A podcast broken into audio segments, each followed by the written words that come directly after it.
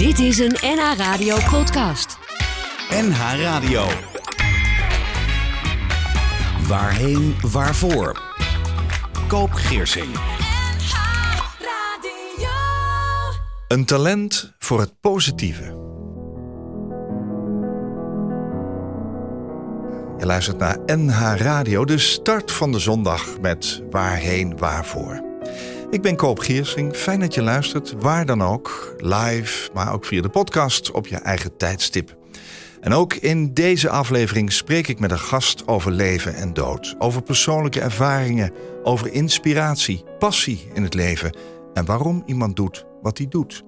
En welke drie liedjes worden gespeeld tijdens haar of zijn eigen uitvaart en waarom die? Mijn gast is muzikant, pianiste, zangeres. Ze heeft een journalistieke achtergrond en is jaren werkzaam geweest in de journalistiek. Ze interviewde David Bowie, Charles Navour, Mick Jagger. Presenteerde ooit het televisieprogramma Tween, een magazine voor tieners en twens dat maandelijks op de vrijdag te zien is geweest. We kennen haar ook van de Utrechtse band The Broads. En vorig jaar bracht ze een boek uit.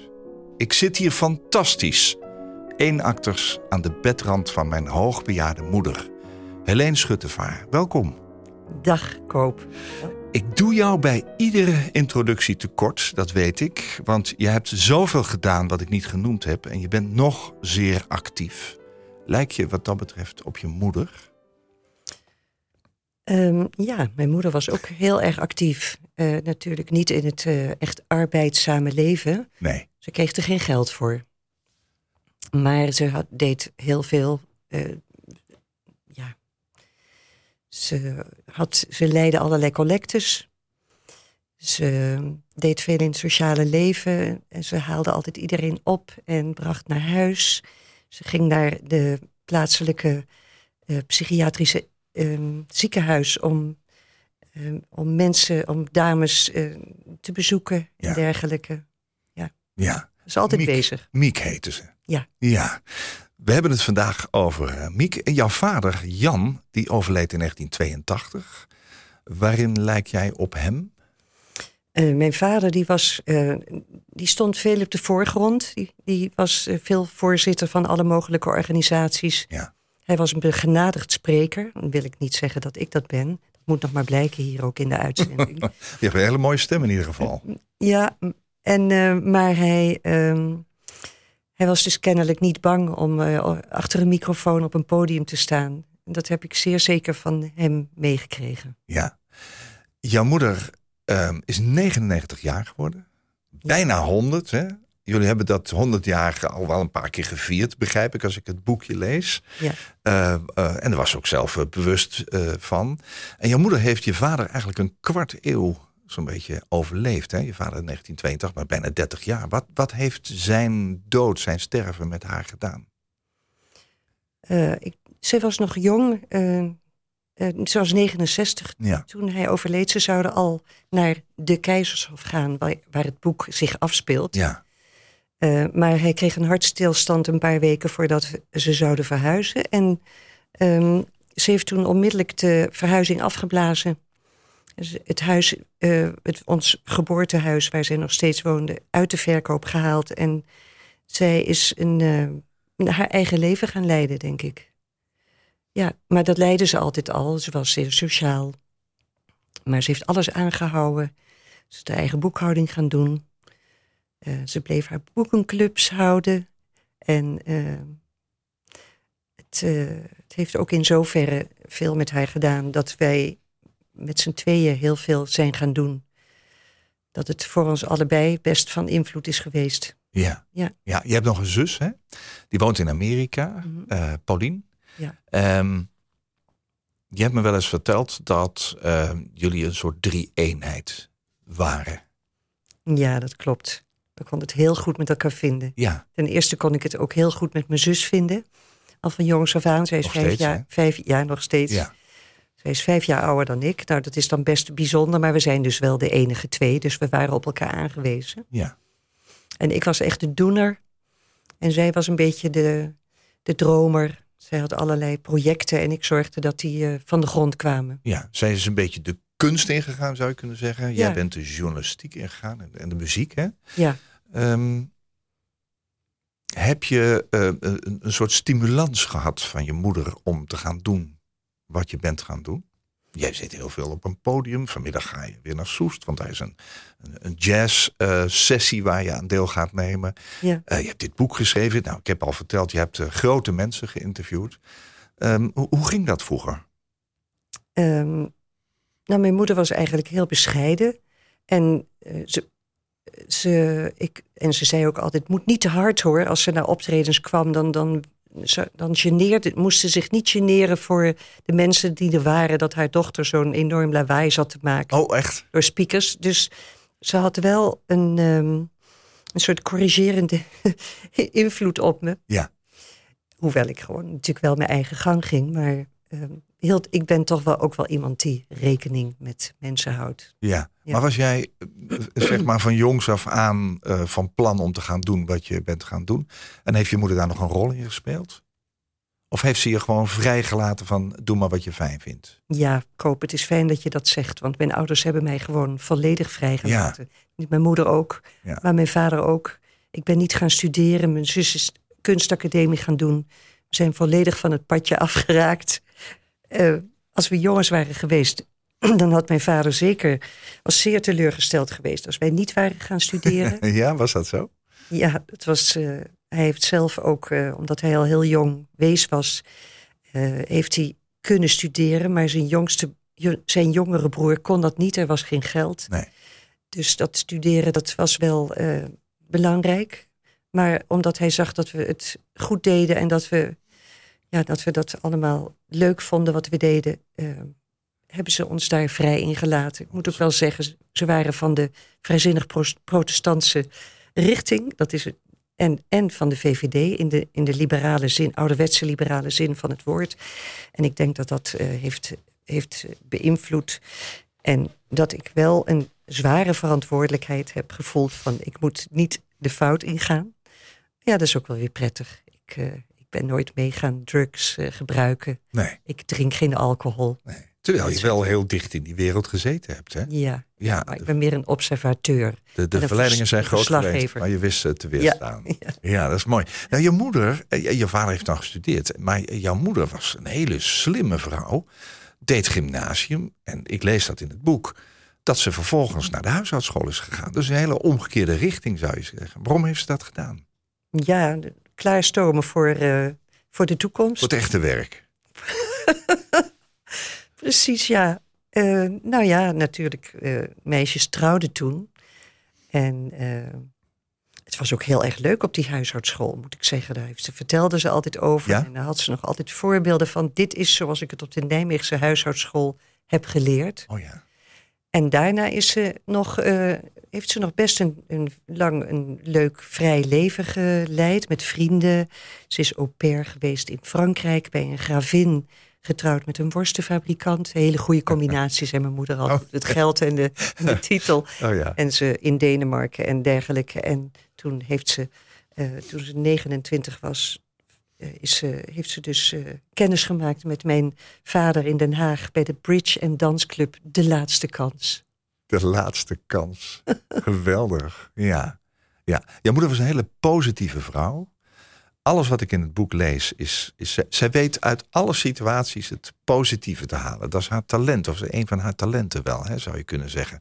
Ehm, je- bezoekt jouw moeder de laatste vijf jaren van haar leven eigenlijk dagelijks. Eh, vaak zit je daar uren. Eh, jouw vriend Jan en jouw zus Paulien komen ook regelmatig. En in 2011, drie dagen voor haar 99ste verjaardag, overlijdt je moeder. Wat deed dat met jou? Nou, voor mij had het wel door mogen duren. Dat is ook de opdracht in het begin. Voor mijn moeder had het wel mogen eindigen, denk ik, maar voor mij niet. Eh, maar het was ook een, een grote opluchting in de eerste plaats voor haar. Ja, voelde ik dat. En, ehm, en toen dacht ik ook wel van, oh, nou kan ik voortaan langer naar New York. En hoef ik niet meer met, met Jan en Paulien te gaan delen. Want we waren er altijd hè, Ja. in de vakantie. ja. Eh, Mijn zus heeft ook lang in Griekenland gewoond. Dus eh, wij hebben daar ook een huis en zij zit daar ook zomers. Dus het was altijd wanneer uh, blijf jij bij mama en wanneer jij. Dus ik was ook vaak alleen op vakantie daar. En uh, ik voelde ook een enorme vrijheid uh, ineens. Uh, ik was toen, hoeveel is in 2011? Ja, 2011. Hoeveel was ik toen? Was ik 66, hè, denk ik. Vieren, je bent van 1947? Ja. Ja, nou, dus zal, zal je een jaar of 64 geweest zijn, denk ik. Zoiets. Ja. En toen dacht ik van... Toen zeiden mijn vrienden ook allemaal... Oh God, Helene, maar jij hebt nog een heel lang leven voor je. Je moeder is 99 geworden. Ja. Dus ik heb dat... Ja, en dat gevoel heb ik nog, nog altijd wel. Ja. ja. In het begin van je boek schrijf je... En er staat boven, voor mijn moeder... Het is niet uit te leggen wat de tijd die ik zo met mijn moeder doorbreng voor mij betekent. En dat er misschien voor haar wel, maar wat mij betreft niet een einde aan hoeft te komen. Je hebt enorm genoten hè, van die laatste, uh, nou ja, zeg maar, jaren dat je dagelijks aan haar bed zat. Ja, dat was heel bijzonder. En terwijl zij nog leefde, heb ik die verhaaltjes geschreven. Als ik dan thuis kwam, dacht ik, dat is leuk. De verslaggever was weer in mij op. Ja, de journalist opgestaan. Ja. Dus ik schreef over het dagelijks rijlen en zeilen. Ook helemaal in de sfeer zoals wij met elkaar omgingen. Uh, zonder zonder veel, uh, niet uh, heel jubelend, ook niet heel verdrietig, maar gewoon een verslag. En Feitelijk. dat heb ik ook nog heel lang voor mezelf kunnen houden. En daardoor heb ik ook steeds die sfeer, die rust en dat, die, dat gevoel van bij mijn moeder zijn vast kunnen houden. Ja. In die verhaaltjes. En die, dat was heel lang te privé. Om, niemand wist dat, mijn moeder niet. Mijn zus en Pauline hadden. Jouw moeder ook niet? Nee, mijn moeder wist daar niets van. En dat was Oh. ook helemaal niet in onze omgangssfeer om te zeggen: Mama, kijk nou eens wat ik heb geschreven, wat u deed, of wat ik, hoe ik dat zag. Ja.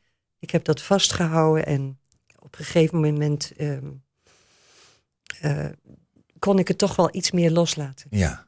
Ja, ja, op enig moment maak je die notities, hè, in de vorm van columns uh, schrijf je. Je noteerde in de laatste levensjaren van je moeder alledaagse en opmerkelijke gebeurtenissen, vermakelijke voorvallen, ontroerende momenten. Voor jezelf, voor later, lees ik. En die verhalen heb je nu dus ruim tien jaar later als boek uitgebracht. Waarom toch? ik. Uh... Ik, er, ja, er is een hele stroom van moederboeken uitgekomen op een gegeven moment, ook als, als uh, boekenweekgeschenk en dergelijke. En toen was het ook nog een trend om over ouder worden te gaan schrijven. En dat waren vaak helemaal niet zulke vrolijke boeken. Nee. Uh, dus ik dacht wel eens, en dat werden nog bestsellers ook. Dus er was kennelijk behoefte bij mensen om hun persoonlijk verhaal op te schrijven. Ja. En, om het, en dan ook nog om het te lezen en te kopen. En ik dacht wel eens van, ik, wat fijn dat ik mijn eigen verhaal heb. En op een gegeven moment vond ik het ook, dacht ik ook van, het is misschien leuk voor mensen om, voor andere mensen ook om te lezen. Misschien heeft men daar wat aan. Een soort positieve, zo kan het ook, uh, ja. uh, beschrijving. Ja, precies. Ja. Heb je bij je moeder wat dat betreft nooit uh, verdriet of negativiteit besproken? Nee, daar waren wij eigenlijk niet. Uh, dat deden we niet. Nee. Dus heel bijzonder. Was dat er ook niet dan? Ja, de, weet je, ik, ik, ik, misschien zie je dat in het boekje ook. De, de ontroering zit naast, de, naast de, de, de vrolijkheid. Het zat dicht bij elkaar, maar het werd niet uitgesproken. Nee. Het zat er ook niet in de weg, zal ik maar zeggen. Want nee. uh, ja, we hebben ook niet uh, gehuild. Ik denk dat we wel hebben gehuild toen mijn vader was overleden. Ja. Maar zelfs misschien ook niet eens, omdat we meteen in de, meteen in de praktische uh, Ja, de regelstand, ja. Ja, werden ja. geduwd. Ja. En, en dat deed je moeder ook, hè? Ja. Dat huis moest ja. uh, meteen, die, die verkoop ging niet meer door. En ze, Mhm. ze moest de boekhouding doen, zei je. Dus ze was ook praktisch wat dat betreft. Het was heel praktisch. En uh, wat natuurlijk wel een verdriet is geweest, denk ik, is dat mijn zus naar het buitenland is verhuisd. En dat ze haar kleinkinderen niet veel heeft gezien. Maar wel um, op vakanties in Griekenland. Ja. En ik één keer heb ik haar uh, na het vertrek van een vriendin van haar horen zeggen: Ja, dat vind ik nou zo misselijk. Tante Truus die praat altijd over haar kleinkinderen en zit maar op te scheppen. En ze denkt er nooit aan dat ik dat niet, dat ik dat niet heb. Er kwam toch iets naar boven. Er kwam wel iets naar boven, ja. maar verder hoorde je daar niet over. Nee, was dat een houding van haar? Of uh, wist ze daar ook op een hele positieve manier mee om te gaan. Ja, absoluut. Dat laatste. Ja, ja, ja. Anders, had ik dat, anders was ze niet zo'n leuk mens geweest. Nee. Nee. Prettig mens. Leuk dat je het zegt. Ja, nee, ik vind het mooi. Mijn gast in deze aflevering van Waarheen Waarvoor is de Utrechtse pianiste zangeres Helene Schuttevaar. Haar eerste boek heet Ik zit hier fantastisch. Eenakters aan de bedrand van mijn hoogbejaarde moeder. Dat Helene zelf uitgaf met steun van haar zus Paulien. Het boek gaat over ouder worden, waar je ook een beetje vrolijk van wordt. Met een hoofdpersoon die je hart steelt.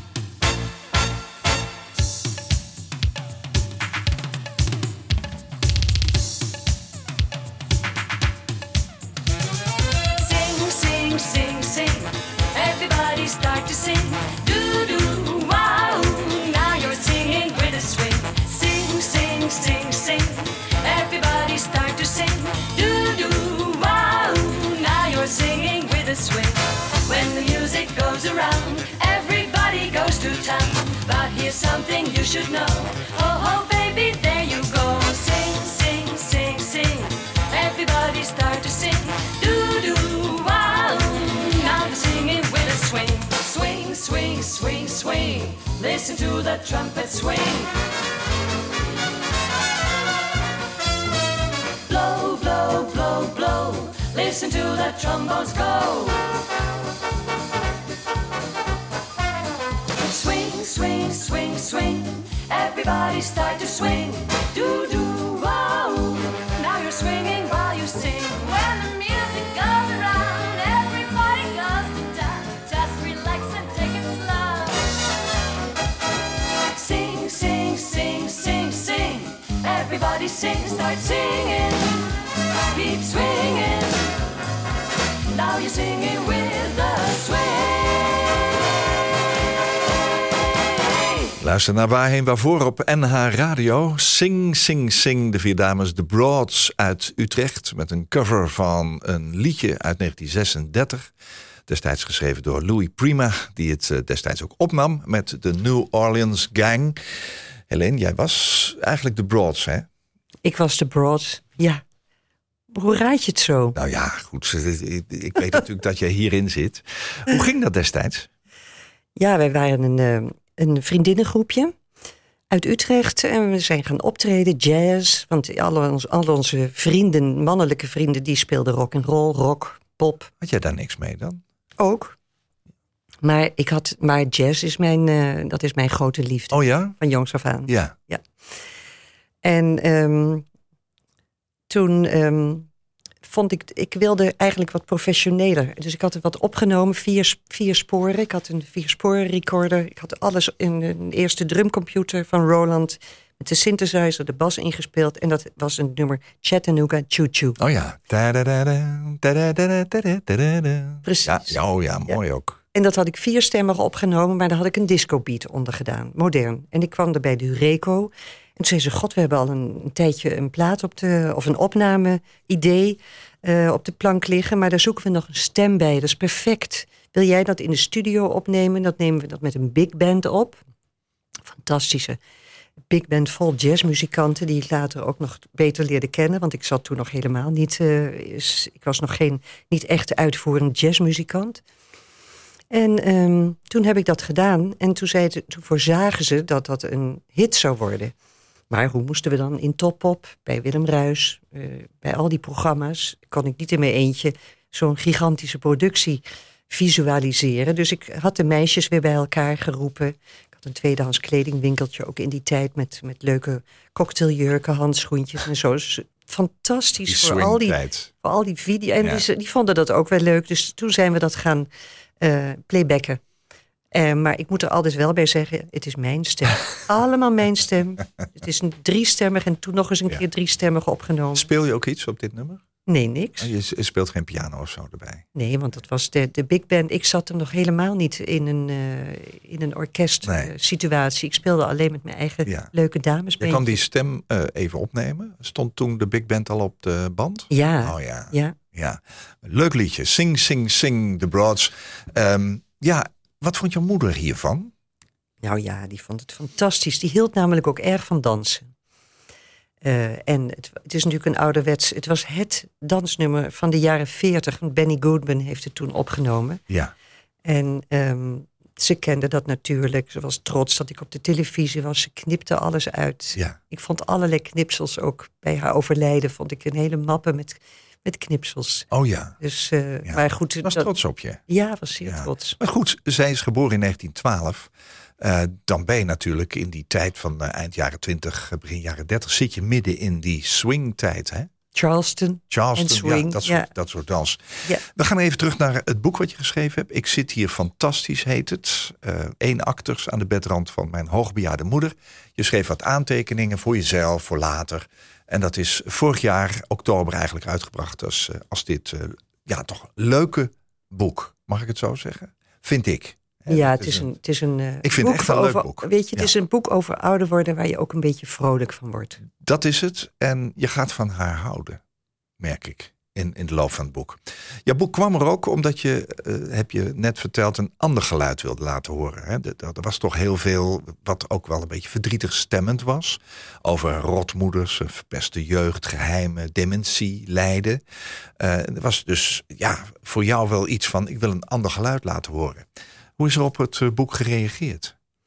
Nou, dat is, dat is geweldig. Ik krijg zulke goede reacties. Ja. Het is wat jij zegt, je gaat van mijn moeder houden. Eh, mensen zeggen ook van het is zo in een zo'n liefdevolle, eenvoudige stijl. En dat is niet eenvoudig.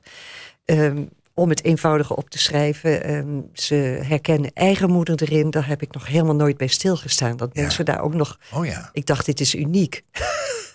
maar dat is het niet. is jouw wereld. Hè? Ja, ja, precies. ja, ja. Maar eh, mensen kunnen daar echt wat mee. En ehm, ja, ik heb er natuurlijk ook nog eens een keer een hele leuke boekpresentatie eh, mogelijkheid Jij hebt het eh, gepresenteerd ook met aan de piano liedjes eh, spelen. Hè? Jij ging ook wel eens naar het huis waar je moeder woonde voor, voor gezellige middag. met piano en oude muziek. Hè? Ja. Dat, dat, dat vond je moeder ook fantastisch. Mhm. Ehm, hoe heb je dat gedaan? Want je ging op een podium en, en mensen eromheen. En ging je over dit boek vertellen. En je ging verhalen, stukjes van die verhalen voorlezen. Eh, de- hoe, hoe werd daarop gereageerd? Wat, wat zag je om je heen gebeuren? Je hebt het nu over nu, hè? De ja, je hebt het niet zo dat ik het vroeger boekje- ging. Ja, nee, nu, het- het- jij ging vroeger Ja. wel naar het huis toe waar je moeder woonde om Precies. daar een gezellige middag te doen. Maar Ja. je bent met dit boek eigenlijk het podium opgegaan. ja. Ik heb dus eerst voor vrienden en familie gedaan. Toen heb ik een middag gehad voor mensen die nog in de Keizershof gewerkt hebben. Want de Keizershof bestaat woonden niet meer, maar dat is nog wel weer in een ander tehuis. Ja. Eh, nou, tehuis, hoe zeg je dat? Senioren woonvoorziening. eh, en ik heb het in de openbare bibliotheek gedaan. En ja, dan krijg je natuurlijk allerlei verschillende doelgroepen. Ja. En ehm, dat betekende ook dat ik dacht van ik moet me helemaal gaan aanpassen. Zoals ik dat ook op een podium doe bij een bedrijfsfeest bijvoorbeeld. Dat ik kijk van, oh er wordt nu het toetje opgediend. eh, en de mensen komen binnen, dus ik moet me aanpassen. Er moet Oh nu ja. dansmuziek. En, nee, ik, ehm, ik heb een beetje van alles wat gedaan. En wat klassiek, wat jazz, wat eh, de tea room tango. En wat voorgelezen. En wat teruggegaan naar mijn jeugd. Verteld over mijn vader en mijn moeder en mijn zus. Ehm, dus dat, Was het fijn om te doen? ja, het is, dat is heerlijk. Om over je moeder te praten. Ja, Te omlijsten met muziek. in deze vorm. Ja. Je moet bedenken dat ik als, muziek, als, bedrijf, als eh, beroepsmuzikant ben begonnen voor bedrijfsfeesten, dus Ja. dienend. Daarna ben ik nog eens een keertje gaan piano studeren op 55-jarige leeftijd. Ja. Om te leren begrijpen wat ik speelde. En toen ben ik ook met, met jazzmuzikanten, eindelijk, mijn droom kwam uit. ik, kon, ik ging met jazzmuzikanten spelen. En nou ja, dat zijn de concerten. En dan ga je wat eigen nummers nu en dan, maar meestal toch bestaande nummers. En nu is het eindelijk een persoonlijk verhaal. Ja. Persoonlijk verhaal met muziek. Ja. Je hebt me laten weten dat je misschien met een beetje fantasie ook wel een boek kunnen schrijven met jezelf in de slachtofferrol als overwerkte mantelzorger. Ja, dat had ik aan jou geschreven. Hè? Ja. Wat, wat, was je vraag? ook Nou, mijn, alweer vraag, in mijn dat- vraag was de- eh, hè, dat, dat, dit, die geluiden die je om je heen eh, hoorde en die je natuurlijk ook, eh, ja, je- zag ook die andere boeken over eh, ja, verdrietige moederverhalen, zullen we maar zeggen. Eh, je zei, als ik mijn best had gedaan, had ik, er, nou, had ik misschien ook wel iets over mezelf kunnen vertellen daarin. Nou, dat, dat is natuurlijk zo. Want het boekje is heel rooskleurig. Zo wenste mijn moeder het, het leven te zien. En Ja. daar heb ik ook een handje van. Ja, Eh, maar het was natuurlijk ook eh, enorm racen tegen de klok vaak. Want Elke dag optredens. Elke dag, bijna elke dag. En Ja. als, vaak ging mijn vriend dan nog. Als ik niet ging, maar dan ging ik ook nog allemaal tegen hem zeggen... je moet Ja. dit meenemen en dat meenemen. Ja. En ehm, het- ik had ook een hele... eh, ja, ik, het staat ook in het boek, eventmanager, bloemenmeisje. Ik was de boekhouder. Ik, ik stuurde een team aan van mensen die voor haar zorgden. Ik moest allemaal briefjes later voor het zorgteam, wat ook steeds meer in beeld kwam, eh, schrijven van... eh, ja, het moet niet zo lang in de magnetron of allemaal, weet je, ik, ja, control freak tot en met. Dus Ja. ik heb mezelf ook wel een beetje gek gemaakt. Daar had ik het ook over kunnen hebben. Was, het, En daar- was dat ook een zware tijd eigenlijk wel? Het was natuurlijk mooi om aan de bedrand van je moeder te zitten. Je had een hele positieve moeder. Maar ik kan me zo voorstellen dat met een schema van een artiest ook best lastig te plannen is. En dat je daar stress van hebt. Nou ja, dat is, eh, het is misschien net als een bevalling, dat vergeet je. Het is, eh, ik zit hier met een brede glimlach, Ja. zoals je ziet. Ja. Misschien waar is die camera eigenlijk, die webcam? Om je heen. Ja. Ehm, ja, er was ook best wel veel stress. En ik Ja. vind het ook heel knap van mijn vriend dat hij zo liefdevol heeft meegedraaid. Ja. We hebben natuurlijk geen kinderen, dat scheelt. Nee. Maar ehm, En heb je nu de vrijheid terug? Als je die tien jaar terugkijkt. ja, Ja. Ja. ja. Ik heb jou gevraagd, neem nou eens drie liedjes mee. Die op je eigen uitvaart zouden mogen klinken. Was dat überhaupt een lastige opdracht voor een artiest, voor een muzikant? Nou, het was in zoverre lastig dat ik, eh, dat ik denk van... ehm, ik hoop nog heel veel liedjes tegen te komen. En om dan nu te kiezen, wat, wat doe je dan? Nou ja, dan stel je je eigen eh, uitvaart voor. Hè? Dat mensen daar zitten en wat willen ze dan horen?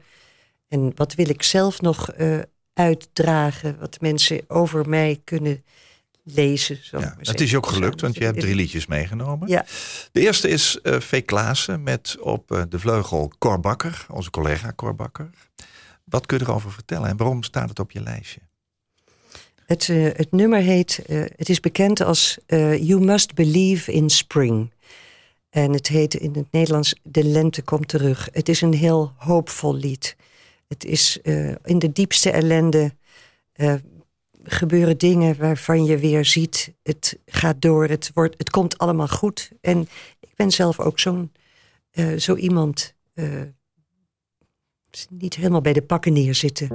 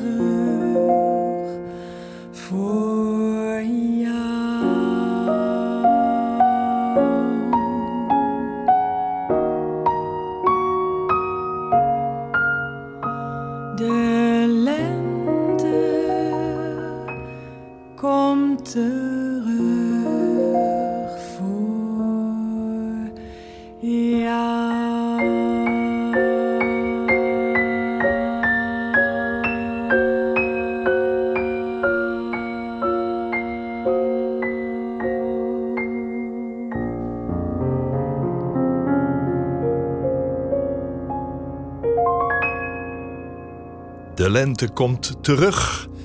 De veelzijdige jazzzangeres V. Klaassen met op de vleugel Cor Bakker op muziek van Michel Legrand. Oorspronkelijk heet het Chanson de Maxence, maar deze hertaling De lente komt terug is gebaseerd op een latere tekst van het nummer genaamd You Must Believe in Spring. Je zat er helemaal in, hè? Koptelefoon op. Ademloos. Ja. Brok in mijn keel. Ja, zie ik. Ja, ja. Dat kan dus. Ja. Dat doet dus muziek met je. Ja. ja. We gaan even weer het stapje naar jouw moeder maken, Miek. Ehm, je hebt er een prachtig boek over geschreven. Ik zit hier fantastisch, heet het. Jouw moeder verstaat de kunst de dingen rooskleurig te zien. Is dat een kunst? Is het een dingetje wat je doet? Nee, nee. Ze was zich daar niet van bewust. Eh, een talent, eh, zeggen mensen, zou je kunnen zeggen, maar Talent voor het positieve. talent voor het positieve. Ja. Eh, mijn vriend zei wel eens van. eh, nee, mijn, mijn moeder vroeg wel eens van. Waar zouden mijn dochters haar, hun talenten van hebben? Voor tekenen, voor, voor muziek. Ja. Het aan mijn vriend vroeg. En toen zei mijn moeder, toen zei mijn vriend tegen mijn moeder, maar u heeft zelf ook een groot talent. En toen zei ze, wat, wat dan? Dat u zo positief bent. Nou ja, was haar reactie. Oh, dat, dat vond ze zo gewoon. Ja, Ja. ja. Het boek is eh, geladeerd met eh, tekeningen van jouw zus Paulien. Eh, het, elk hoofdstuk begint bijna met een, een tekeningetje. En er staat erbij wat het is. Het zijn eh, voorwerpen uit het leven van jouw moeder. Hè? Hoe zijn ze ontstaan? De voorwerpen of de Nou, tekeningen. De, de tekeningen uiteindelijk. Ja, ja. De voorwaarden dus heeft je moeder natuurlijk gekregen hier en daar. En gekocht, lees ik. Precies. Nou, toen mijn moeder in de Keizershof ging wonen, toen zei ze op een gegeven moment aan, tegen mijn zus die daar logeerde: Wat gaan jullie eigenlijk met mijn spullen doen als ik er niet meer ben? Dat zei ze wel. Dat zei ze wel. Oh, Ehm, en toen zei Pauline: van nou, weet u, dat krijgt allemaal een mooie plaats. Daar zorgen Helene en ik voor. Ja, en, maar als ik nou tekeningen maak en u schrijft er heel kort bij hoe u eraan bent gekomen, ja. dan maken we daar een boekje van. Nou, dat vond mijn moeder, die was al lang blij dat ze zelf die tekeningen niet hoefde te maken. Vond ze een goed idee. En dat, ze zei, dan noemen we dat old history. En toen heeft ze, tegenwoordig maak je foto's van alles, maar we hebben zo'n leuk boekje, een geschiedenisboekje, met precies, mijn moeder had een heel kort bestek, dat het een erfstuk was van die tante of oom met jaartallen erbij, een familierelatie. Ja. En daar hebben wij heel veel van aan, want we weten nu nog precies waar die schaal ja. en die, die, die klok eh, en alles waar dat vandaan kwam. Dat heb je natuurlijk heel vaak als, als een vader of een moeder overlijdt en je zit eh, ja, dan in dat huis om te verdelen, zullen we maar zeggen. Ja. Dat je zegt, nou, geen idee waar dit vaasje vandaan komt. Het is veel leuker als je weet welke historische betekenis je daaraan kunt eh, koppelen. Hè? Maar zij was ook wel een archivaris. Ja, Ze had een gigantisch uh, had wel we familiearchief. Ja, En dat, dat was ook helemaal in haar trant van waar gaat het naartoe? Ja. Maar dan moeten jullie wel weten waar het vandaan komt. Want Ja. overal staat ook achterop geschreven een jaartal en, en mensen die erop staan. dat vond ze zelf wel leuk om vast te leggen. Ja, Ja. Maar daarbij dacht ze toch al wel een beetje over haar eigen eh, sterven heen. Hè? want ze had het niet over haar vader, maar opa schreef ze er dan meteen bij. Dus Voor ze schreef eigenlijk alles Ja. voor ons op. Ja. Ja. Het valt me op, ook in het boek, dat jullie u zeiden tegen je moeder. Mhm, Altijd zo gedaan? altijd. Ja, is dat, is dat respect? Want ik, ik ben opgegroeid met eh, je en jij, ook tantes en ooms en opa en oma. Is door u een- niet wat meer afstand? Ik vraag het maar hoor, want ik weet het niet. Ja, we- kijk, we zijn. Ik ben toch wel van de generatie dat je u zei. Mijn Ja. ouders waren natuurlijk ook wat ouder. Ja, Mijn moeder was 35 toen ik werd geboren. Mijn vader is 44. ja, Dus ehm, het was ik heb dat nooit gek gevonden. Zelfs niet in de jaren zestig, toen Nee. ik eh, tiener was. Dat, dat je, maar zeiden we ook geen je tegen de leraar hoor, op het Stedelijk Nee. Gymnasium in Utrecht. Nee, nee, nee, nee, dus het was gebruikelijk. Het was Ja. een generatie. Heel Heb gewoon. je tot het laatste moment gedaan? Ja. Nooit gevoeld dat dat afstandelijk was? Nee, was Nee. heel fijn juist. Ja, Respectvol. ja. En in het boekje schrijf ik zelfs, als mijn moeder u zegt tegen iemand, dan schrijf ik dat zelfs met een hoofdletter. Oh ja. Want zij schreef dat zo. Maar verder is u met een kleine letter. Dus als mensen het lezen, kopen, misschien wel, hoop ik ook. ja. dan, eh, dan, is dat, dan denken ze misschien, oh, dat is een schrijffout. Maar dat is, daar is echt over nagedacht. ja. Mis je je moeder? Ja. Maar ik mis er, ja, ik weet niet of ik er mis, maar ik, ik roep graag de, de, de sfeer op. Ja. Ik roep, ik roep heel graag die sfeer op. Ben je en nog ik, eens verdrietig dat ze er niet meer is? Dat ben ik, kan ik ook nog wel eens zijn. Ik kan nog wel eens een traantje vergieten. Ja. Dat is ook een fijn het gevoel, is- toch? Absoluut. Ja. Ja. Ja.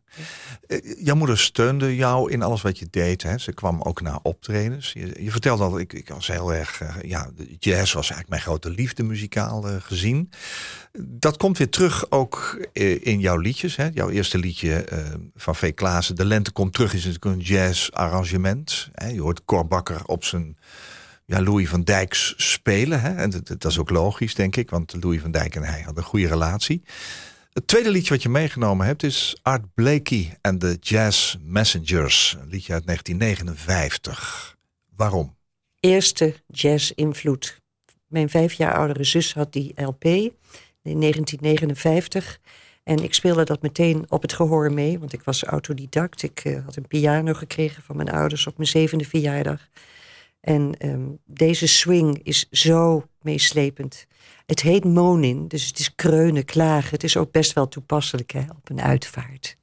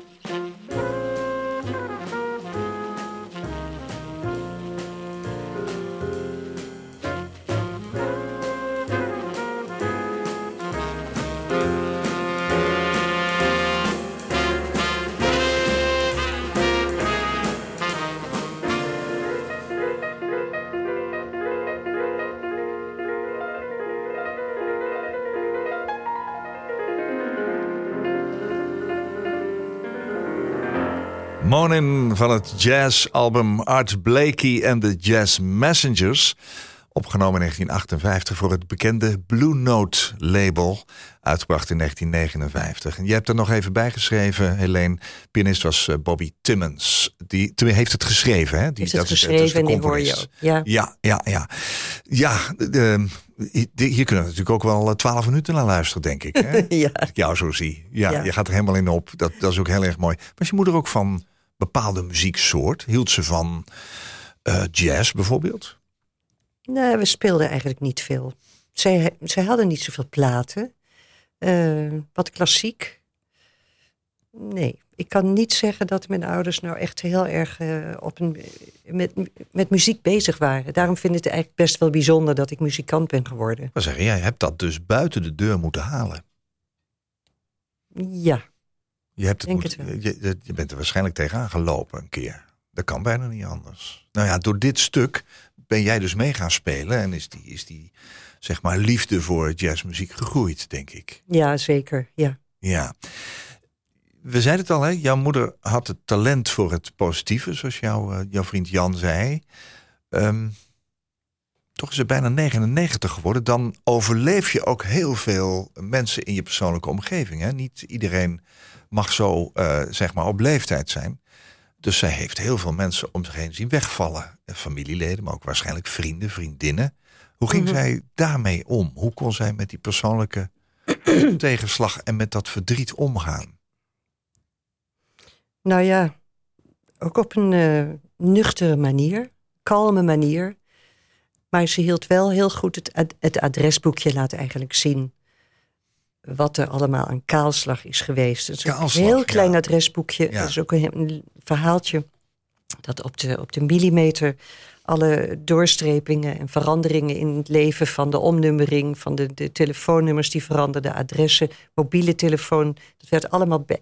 Zij hield het allemaal heel netjes bij. Ik denk, dat het voor haar, ik denk dat dat voor haar ook een heel groot houvast was in haar leven. Ja. Dat het allemaal netjes op een rijtje stond en dat ze zich daar, daarmee, daardoor ook handhaafde. Maar zij moet ook wel eh, verdriet hebben gekend van eh goede vrienden, vriendinnen die wegvielen. Ja, natuurlijk.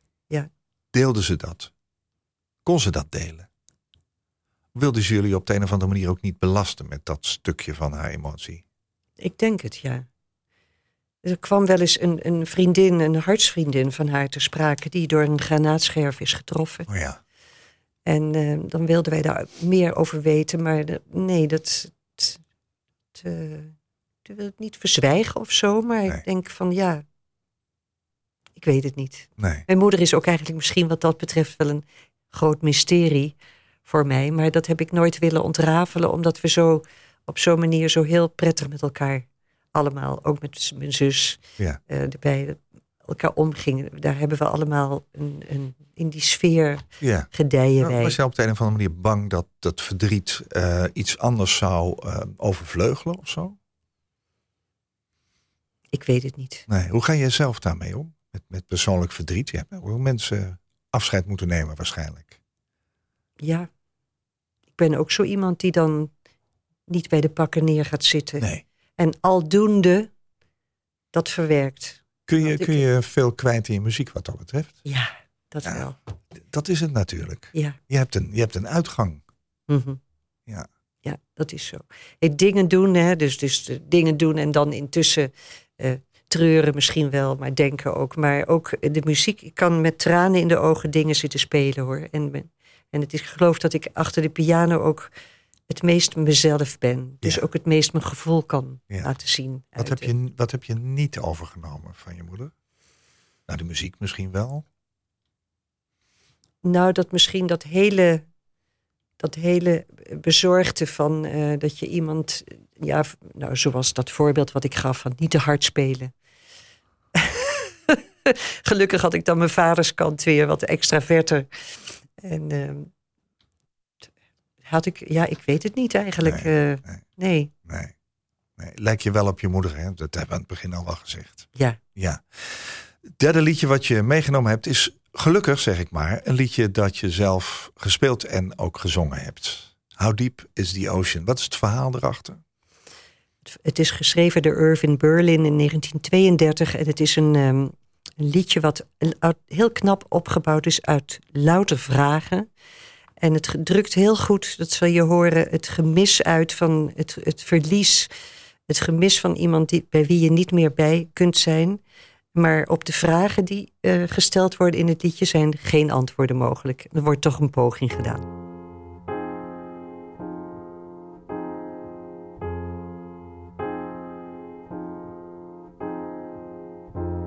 How much do I love you? I'll tell you no lie. How deep is the ocean? How high is the sky? How many times in a day do I think of you? How many roses are sprinkled with dew? Far would I travel just to be where you are? How far is the journey from here to a star? And if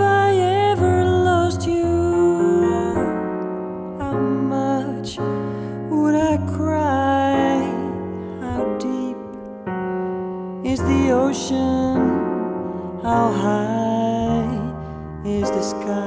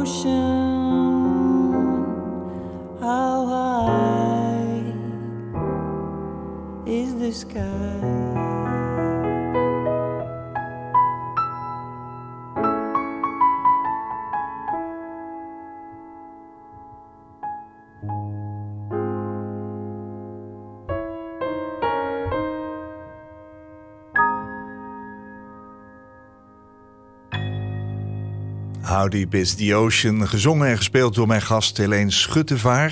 Het is geschreven door Irving Berlin, heeft ze al verteld, in 1932. Opgenomen door tal van grootheden. Frank Sinatra, Barbara Streisand, Nora Jones en ook eh, jazzzangeres Diana Krall heeft het vastgelegd. Helene Schuttevaar, mijn gast in deze aflevering van Waarheen Waarvoor op NH Radio. Muzikant, pianiste, zangeres. Zij komt uit Utrecht, waar ze na haar middelbare school werkzaam was als journalist voor onder andere het Utrechts Nieuwsblad. Helene werd bekend met haar band The Broads en hun discoversie van het nummer Sing Sing Sing werd in 1983 een internationaal succes.